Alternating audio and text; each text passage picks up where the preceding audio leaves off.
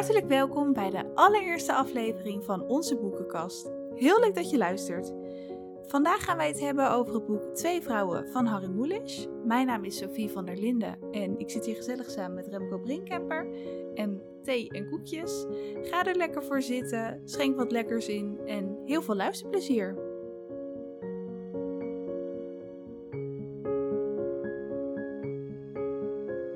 Zo, heb je nog thee? Ik heb nog thee, ja. ja. Zelfgemaakt koekje erbij?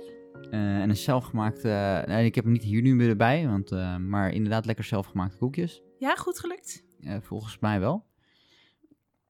Beetje taai? Alleen, ja, taai chocoladekoekjes. Ja. ja. Geen ja. Thais, maar taai. Taai, ja. ja. ja.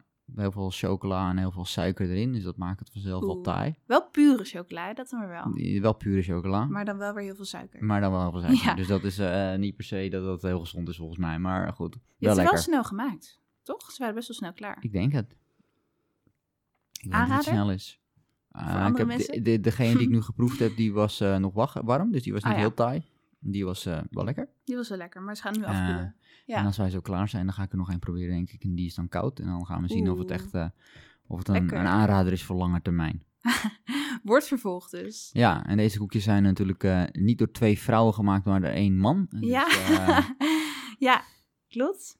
Twee vrouwen. ja, Harry Mulisch. zeker. De, ook, ook een man. Ook die een man, Die ook, ook één maar man. die heeft dan weer twee vrouwen gemaakt. Dus Ja. wel Ja, precies. interessant hoe dit dan weer gaat. Jij zei een tijdje geleden tegen mij van... Ja, je moet echt een keer toch twee vrouwen gaan lezen. Je had het al eerder eh, geluisterd op eh, Storytel. Leuk, eh, een boek natuurlijk van Harry Mulisch, de, de Nederlandse legende, om het zo maar te zeggen. Zeker. Ehm, en de meeste van zijn boeken, althans, staat hij natuurlijk bekend om, gaan over de Tweede Wereldoorlog. Ja. En dit boek eigenlijk niet. Helemaal niet, hè? Helemaal Nee. niet. Ehm, Nou, misschien sommige lichte... ja, je kan, je kan Harry Mulisch kan natuurlijk nooit een- helemaal aan de oorlog ontsnappen. Maar ehm, Het is wel een heel het ander draait daar niet om. Zeg maar. Nee, dat zegt hij zelf ook in interviews daarover. Het is wel heel anders. Ja, en, en waar gaat het dan wel over? Ja, de- daar komen we achter vraag. tijdens deze podcast natuurlijk. Ja. Wat, wat vond je ervan? Heb je het in één keer uitgelezen? Of, eh, Ik heb het niet in één keer uitgelezen. Ik heb het, eh, ik heb het in, in, in een paar eh, fases gedaan. Ik denk dat Ah, ja. de, de, de drie, drie, vier keer lees of zo dat het is geweest. Het was geen Dus, eh, hè? Nee, het valt op zich wel mee. Het is redelijk goed doorheen te komen. Dus inderdaad. eh, ehm, maar eh, nee, was op zich, het, leest, het leest op zich wel redelijk makkelijk weg. Dus dat is niet zo. Ja, hè? Want het, het boek eh, is uitgebracht in 1975. Merkte je dat aan de schrijfstijl? Vond je Nee, dat valt op zich wel mee. Bij Moelisch, ja, ga je wel, ik, ik vond dit wel redelijk, redelijk goed leesbaar van hem. Ja, het is niet te ingewikkeld en dan gaat er redelijk doorheen. En het is ook Vond niet ook. heel gedateerd of zo. nee. Grap is ook wel dat, dat de onderwerpen ook nog wel enigszins relevant zijn op dit moment. Of, Ja, of misschien nog wel heel relevant zijn op dit moment. Ja. En eigenlijk alleen de, de datering merk je meer in dat mensen geen mobiele telefoons Precies. hebben en dat soort zaken. Een huistelefoon en meer brieven posten en ja, dat soort dat soort zaken. Maar ehm, verder eh, valt het wel mee. Ook Ja, de schrijfstijl is niet, eh, niet heel oudbollig of zo. Wat je soms wel Nee. hebt, inderdaad uit boeken uit de jaren zeventig. Wat Ja. is je eigenlijk het meest bijgebleven van het boek? Nou, wat je bijblijft, denk ik, is eh, nee, eigenlijk het, het onderwerp. Dus eigenlijk hè, waar, waar, wat, wat, wat, wat een beetje aan de tand stelt. En het gaat voornamelijk over, over, eh, over twee vrouwen. Dus over, over voornamelijk een, een, een lesbische relatie. Ja. Eh, maar ook over eh, een dochter-moeder verhouding. Dat zijn Ja. een beetje denk ik, de twee dingen waar, waar, waar het boek op eh, doelt. Klopt. Waar de titel in op doelt. En ook waar het boek een beetje om draait. Eh, en dat in een setting ja, die dan, eh, waar dan verschillende dingen gebeuren. Eh, en uiteindelijk heb je dan een, een, een- ja, een, een, een chockerend einde, om het zo maar te zeggen. Klopt. En dat blijf je ook nog wel redelijk bij. Maar, Ja, ehm, maar voornamelijk, denk ik, voornamelijk voor mij blijft voornamelijk het, eh, en dat is wat ik het interessante eraan vind, is dat Mm. je ziet dat iets wat in de jaren zeventig relevant was over ehm, homoseksualiteit, Ja, Ehm, eh, dat dat nog steeds, eh, nu nog steeds een onder, zo- zo'n zo'n zo'n zo'n belangrijk onderwerp is, wat nog steeds Ja. speelt na zoveel jaren. Zo, terwijl je toch zou verwachten dat dat inmiddels... brengt hij heel goed onder de aandacht, vind ik, in dat boek. En eh, het, is, het lijkt ook heel eenvoudig geschreven. Hè? Het is echt vanuit een eh, ik-perspectief geschreven van een vrouw. Wat ik eigenlijk ook wel knap vind voor een man. Ehm, maar het is heel, ja, eh, het geeft het heel goed weer hoe, hoe er naar hun wordt gekeken. En ja, hoe dat voor hen is. En dat ze ook best toch wel wat nare reacties daarop krijgen. En ja, dat vind ik wel, zeker in die tijd, denk ik. Dat is toch best wel eh, een stap om dat uit te brengen. Dus misschien dat het ook wel daarom toch wel zo... Toch, het is wel een van zijn bekendere boeken, Tenminste, denk ik. Eh, ja, het is wel een van zijn bekendere boeken, Ja. inderdaad. Ehm, ik denk dat de, de aanslag is denk ik wel eh, bekender natuurlijk, Ja. maar het is ook verfilmd. Volgens mij is Twee Vrouwen niet verfilmd in ieder geval. Nee, dat, Dus dat moet ik nog even altijd wel. uitzoeken. Ja, Ehm, maar ehm, ja, het is natuurlijk wel interessant ook. dat Het hoofdpersonage Laura begint, Ja. eh, eh, heeft in het begin eigenlijk nog steeds een, een, een relatie met een man. Eh, Ja. Of dat is net uit op dat moment eigenlijk. ja het is eigenlijk geen chronologische volgorde. Dat, dat, ehm, nee, dat sowieso. Nee, het gaat soms een beetje in tijdsprongen. Hè, in het begin van het boek is het ja, het heden, als het ware. Dan gaat ze naar Frankrijk, naar haar moeder, die is overleden. Hè, en dan zie je ook dingen vanuit haar jeugd. En inderdaad, op een gegeven moment gaat het dan weer naar haar 35-jarige zelf. Wij hadden volgens mij allebei het idee dat ze veel ouder was, maar ze was dus 35. En dan Ja. blijkt ook hè, dat ze die relatie had met die, met die Alfred. Eh, Ja, dat en meerdere ook- relaties eigenlijk met mannen. Ja, en die- leeftijd inderdaad komen we straks nog even op terug. daar Ja. terugkomen. Dat is inderdaad wel een interessante. ehm, waarom wij, we dat- allebei dachten dat het eigenlijk het hoofdpersonage ouder was dan 35. Ook mede, ja, daar komen we zo op terug inderdaad. Ehm, maar ja, het maakt dus best wel sprongen in de tijd. Eh, maar vo- vond je dat lastig te lezen of vond je het wel gewoon goed te volgen? Ik vond het wel goed te volgen, maar ik vond de sprongen in de tijd soms niet altijd heel duidelijk Nee, hè? Vond ik ook. aangegeven. En ook niet altijd heel eh, functioneel, om het zo maar te zeggen. Soms heb je het Nee. een beetje het idee van, ehm, ja, we, we springen in de tijd omdat het Ja. leuk is om in de tijd te springen, zeg maar. Het voelt niet altijd heel erg aan of het iets toevoegt. Nee. Maar goed, het, op zich is het wel oké. Maar inderdaad, haar moeder is overleden en eigenlijk daarna komen we erachter dat ze dus in eerste instantie een relatie heeft gehad met Alfred. Ja, meerdere mannen, Ehm. maar daar wordt ze eigenlijk nergens echt heel gelukkig van. Nee. Uiteindelijk, Eh, kon, kon helaas ook geen kinderen krijgen, terwijl ze dat hè, wel wil. Ja. Wat je al aangaf, die moeder-dochterrelatie speelt best wel een rol. Eh, wat je als lezer een beetje uit het verhaal opmaakt, is dat zij best wel een goede relatie had, Laura, eh, met haar vader. Eh, hè, zij treedt ook een beetje in zijn voetsporen. Zij gaat in dat museum werken. Ze heeft kunstgeschiedenis gestudeerd. Hè, en hij overlijdt eerder dan haar moeder. En ja, je krijgt toch het gevoel van die, die relatie tussen haar en die moeder. Dat, dat ja, voelt ze zich niet helemaal prettig in. En ze heeft ook het gevoel van: ik kan pas loskomen van mijn moeder als ik zelf moeder word. Nou ja, het vervelende is dat lukt dus niet met haar ex-partner. Maar dan, dan ontmoet ze Sylvia, inderdaad. En dan, die een stukje jonger is. ja, die is 20. aanzienlijk jonger dan... Ja, eh, 15 jaar dan, of zo. eh, 15 jaar Ja. jonger dan, eh, dan Laura. Ehm, Ja. en, en dan krijgen we eigenlijk een heel Dan wordt ze gelukkig, eigenlijk, lijkt Ja, het. zij wordt Heel gelukkig. verliefd, ja. Heel verliefd. En dan eigenlijk mag, niemand mag dat dan weten. Deels omdat ze Nee, lesbisch zijn en deels vanwege het relatie. lesbe- le- Leeftijdsverschil. Ja, klopt. Ehm, en eh, nou, je gaat ze gaan, uiteindelijk gaan ze dan toch samenwonen. En dan Houden ze ook een beetje die moeder van Sylvia een beetje voor de gek. Want eh, hè, ze zeggen dus dat Laura haar hospita is, dat Sylvia daarin woont.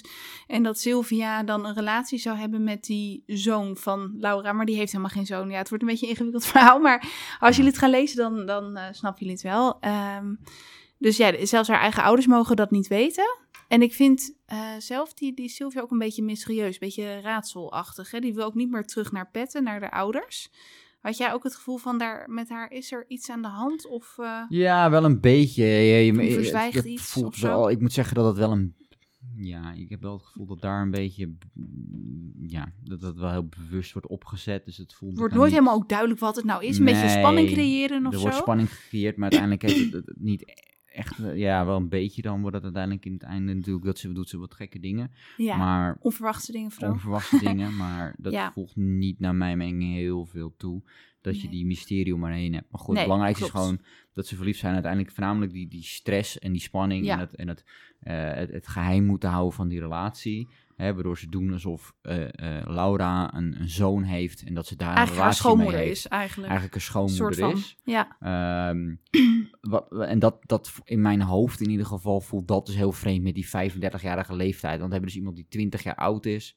Hebben Ja. iemand die 35 jaar oud is. Maar die die, moet dan dus een beetje op de, op de Ja. 17e een kind gekregen hebben of zo. precies. Die dan inmiddels ook 17 is. zou wel met een 20 kunnen, jaar- maar ik had meer toen ik het las het gevoel dat zij 50 was en zij 20. Ja, Dan of- vond ik het nog een heel groot leeftijdsverschil. Maar, maar goed, het is natuurlijk ook die tijd, hè? dus misschien werd er anders naar gekeken. Ja, tot zou 45 kunnen. of zo inderdaad, maar niet Ja, 35. Maar dat, goed, maar ja, eh, misschien zijn wij daar al meer aan gewend. Was dat in die tijd een heel ding? Dat zou kunnen. ja, maar ook dat ze dan dus een relatie zou hebben met, die, met haar zoon. Ja. Dat is ook een beetje, ja, een beetje onlogisch qua tijd. Maar goed, ehm, En het is, uiteindelijk maakt dat niet heel nee. veel uit, behalve dat dus... eh, Dat, het dus, en dat is een beetje waar ik net ook zei, hè, dat dat nog steeds eigenlijk een onderwerp is wat voor sommige mensen... hè, dus en dat leeftijdsverschil, en, dat ze lesbisch zijn, Ja. en dat ze zijn gaan samenwonen. Ehm, nou ja, en dan... Op een gegeven moment gaan ze wel een beetje naar buiten treden. Hè? Want Ja. eerst houden ze dus eh, geheim. En op een gegeven moment begint er eigenlijk mee dat ze toch naar haar moeder gaan van Laura in, in Frankrijk. In Nice geloof ik ergens Ja. woont ze. In een soort verzorgingstehuis. Ehm, En eigenlijk dan wordt het ook pas duidelijk dat het, naar mijn mening, dat het duidelijk was dat het dat dus waar het boek begon, dat het eigenlijk een tijdsprong was. Dus dat, dat was voor mij niet heel duidelijk, zeg maar. Nee, precies. eigenlijk ik pas op het moment dat, ze je- teruggaan naar Nice en dat ze dan die moeder ontmoeten. Want ze leeft nog. Want ze leeft nog, snap je, oh ja, het begon niet- met, een, ja. met een begrafenis. Ja, Dus ehm, ja, en dan het een beetje anders, Eh, het wordt ook niet helemaal duidelijk wat nou die links met Frankrijk. Maar goed, dat maakt verder niet uit. Maar die, die moeder, hè, de Sylvia, die doet zich voor als het buurmeisje van Laura. Maar die moeder heeft ook gelijk door van dit... eh, nou, die heeft gelijk door wat er aan de hand is. Maar die pikt dat niet. Die staat volledig niet achter ze. hè. Die wordt dan ook woedend. En volgens mij is dat dan ook de laatste keer dat Laura haar moeder eh, heeft gezien. Hè? Dat ze gewoon met ruzie uit elkaar zijn gegaan. Ja, dus Er zit wel veel droevenis in het boek, vind je niet? Het is wel een droevig Het is eh, een hoop hè? ellende natuurlijk, eh, zoals gewoonlijk. En er zijn eigenlijk korte perioden dat ze dan gelukkig zijn. Nou Precies. ja, eh, dit is vervelend, maar gelukkig daarna, hè, ze treden wel samen naar buiten, gaan samen naar, naar dat theaterstuk, wat eigenlijk best wel een belangrijk punt is, kom je later achter in het boek. Ja. Want dan ontmoeten ze die Alfred, haar Laura's ex-partner. Precies. En dat vond ik wel goed gedaan. Je had Ja. niet door dat dat zo. eh, Ja, zeg dus er is een, er is een ja. klik tussen, tussen Sylvie Sylvia en, en, en, eh, Sylvia en, en, en Alfred. Alfred, ja. Ehm, Maar daar zoek je nog als lezer, tenminste, ik zocht daar niks achter. Ik denk, nou prima. Nee, Eh, hij vindt het leuk voor, voor Laura, hij accepteert het, weet je wel. En dan, nou ja, prima. Maar eigenlijk vanaf dat moment is er iets met Sylvia aan de hand, weet je. Ze, ze, eh, hè, ze is wat afstandelijker en zo. precies.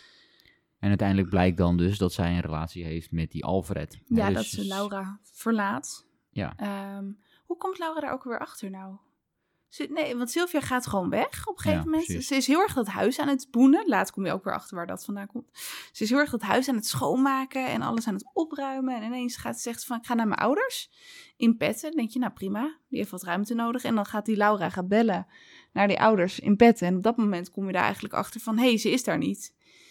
Dus ik dacht gelijk, oh, die heeft een ongeluk gehad of iets heel tragisch. Maar hoe ontdekt ze nou dat ze met... met Al- oh, ze wordt volgens mij gebeld door die eh, vrouw van Alfred. Dat haar man er met haar vrouw vandoor is. Ja, precies. Toch?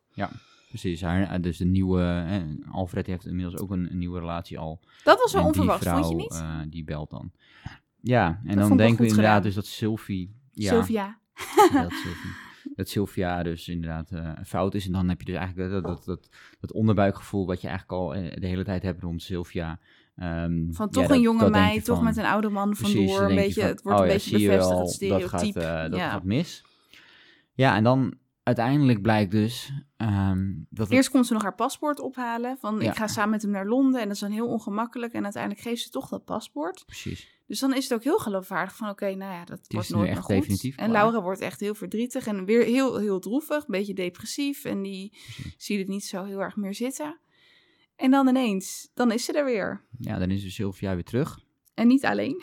En niet alleen. nou eh, ja, ze heeft een, eh, hè, ze heeft een verrassing. Ze heeft een hele grote Ja. verrassing in de buik. Ja, Ehm, want Sylvia is zwanger van Alfred. Nou, dan is het natuurlijk helemaal uit zijn raap dan lijkt het eerst van, oh, hè, ze gaat samen met hem dat kind opvoeden. Precies. En, eh, maar dan blijkt dus eigenlijk toch dat zij, Laura en Sylvia, ooit een gesprek hebben gehad van, hè, zou je eigenlijk graag kinderen willen? Zegt Laura, ja, maar dat kan toch niet? We zijn twee vrouwen. Ja, maar als het zou kunnen, zou je het dan willen?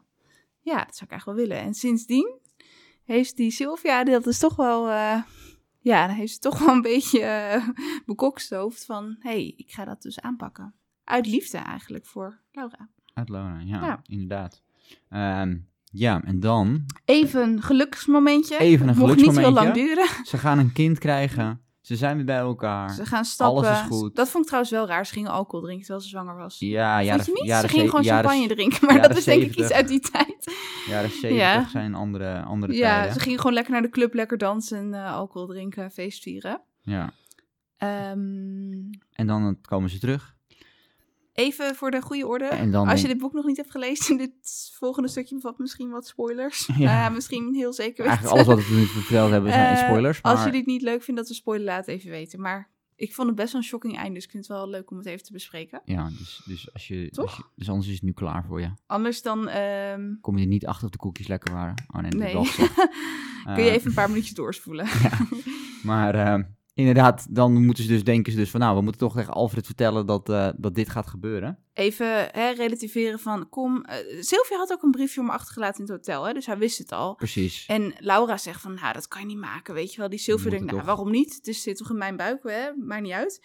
Maar die Laura die zegt heel duidelijk van, nee, we moeten hem gaan bellen. Gaan we met z'n drieën uitpraten en dan komt het helemaal goed. En Ik zeggen, wat kan er iedereen blij.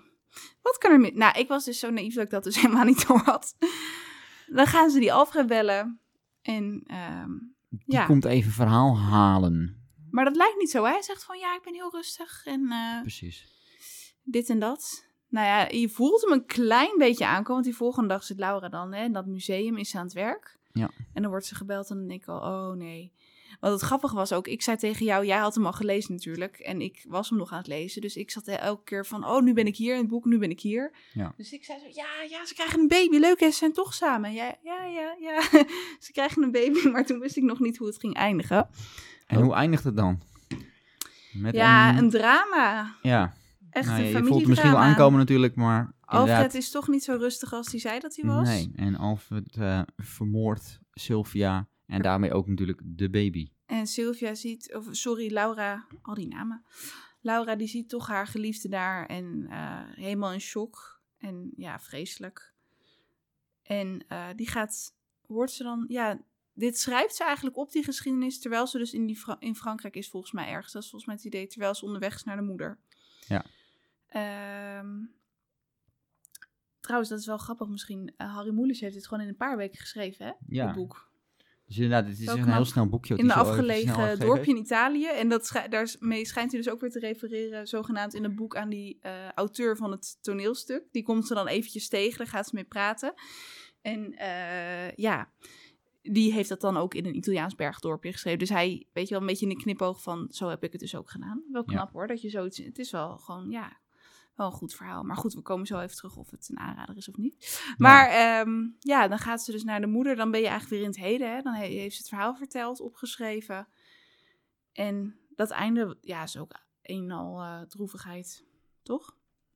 Ja, Vond je niet? Hij eh, laat wel even een eh, indruk achter met die laatste zin. precies. Nou, dat moeten jullie maar zelf gaan lezen. Inderdaad. Of jullie hebben het al gelezen. Ja, dat kan natuurlijk ook nog. Maar eh, we hebben nu eigenlijk even het hele boek doorlopen. Ja, Om, eh, dat en was het, nou, was het nou echt leuk? Nou, ik vond Of was het heel veel interessant? Laten we daarop houden dan. Want echt leuk natuurlijk, het, het eindigt sowieso niet leuk. Leuk is niet zegt, het goede er woord is wat inderdaad. droevigheid in. Ik vond het wel een goed verhaal. Ik vond het goed dat hij. eh, ik, ja, wij hebben zelf natuurlijk niet in die tijd geleefd. Maar dat hij een beetje die tijdsgeest weergeeft. En dat hij dus ook gewoon over zo'n onderwerp schrijft.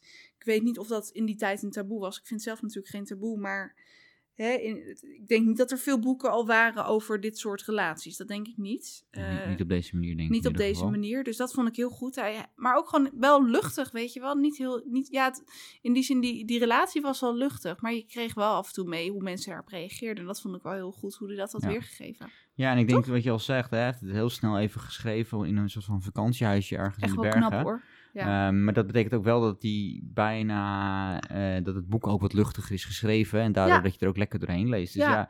En dat die onderwerpen nog steeds relevant zijn, is ook, eh, vind ik het wel echt een aanrader om te lezen. Want het, niet alleen omdat het hè, over homoseksualiteit gaat, maar ook gewoon over relaties sowieso in het algemeen. Hoe mensen met Ja. elkaar omgaan. Je, In die relatie met die over moeder. haar jeugd, eh, relatie met de ouders inderdaad. Dat, weet je, dat zij bijvoorbeeld ook, dat vond ik ook zo eh stu- zielig stukje eigenlijk, verdrietig stukje. Dat ze in het begin eh, gaat het dus over de kleine Laura. En dat ze dus gewoon een dag gaat ze volgens mij fietsen of weglopen van huis. Gaat ze gewoon een dag ergens naartoe en dan komt ze s'avonds thuis en dan hebben de ouders er niet eens gemist. Weet je wel, dat, dat, dat schrijft hij wel heel beeldend. Weet je, dat ja, Ja. ik denk wel herkenbaar. Ja, dat vind ik ook. Dus, nou, een aanrader. Aanrader? ja, Wel een aanrader, ja. En het duurt niet lang op Storytel. ehm, ja, wel fijne voorlezer. Eh, Kitty Dubois heet ze, geloof ik. Ehm, Ja. ja, die, haar stem past er ook wel bij. Ik weet eigenlijk niet of het een oude opname is, maar nee, dat, eh, ja, dat vond ik een goeie. Oké. Nou, dankjewel dat ik mocht komen.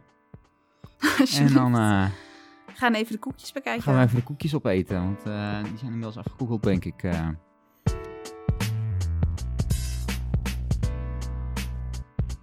Nou, dit was alweer de allereerste aflevering van onze boekenkast. Heel erg bedankt voor het luisteren.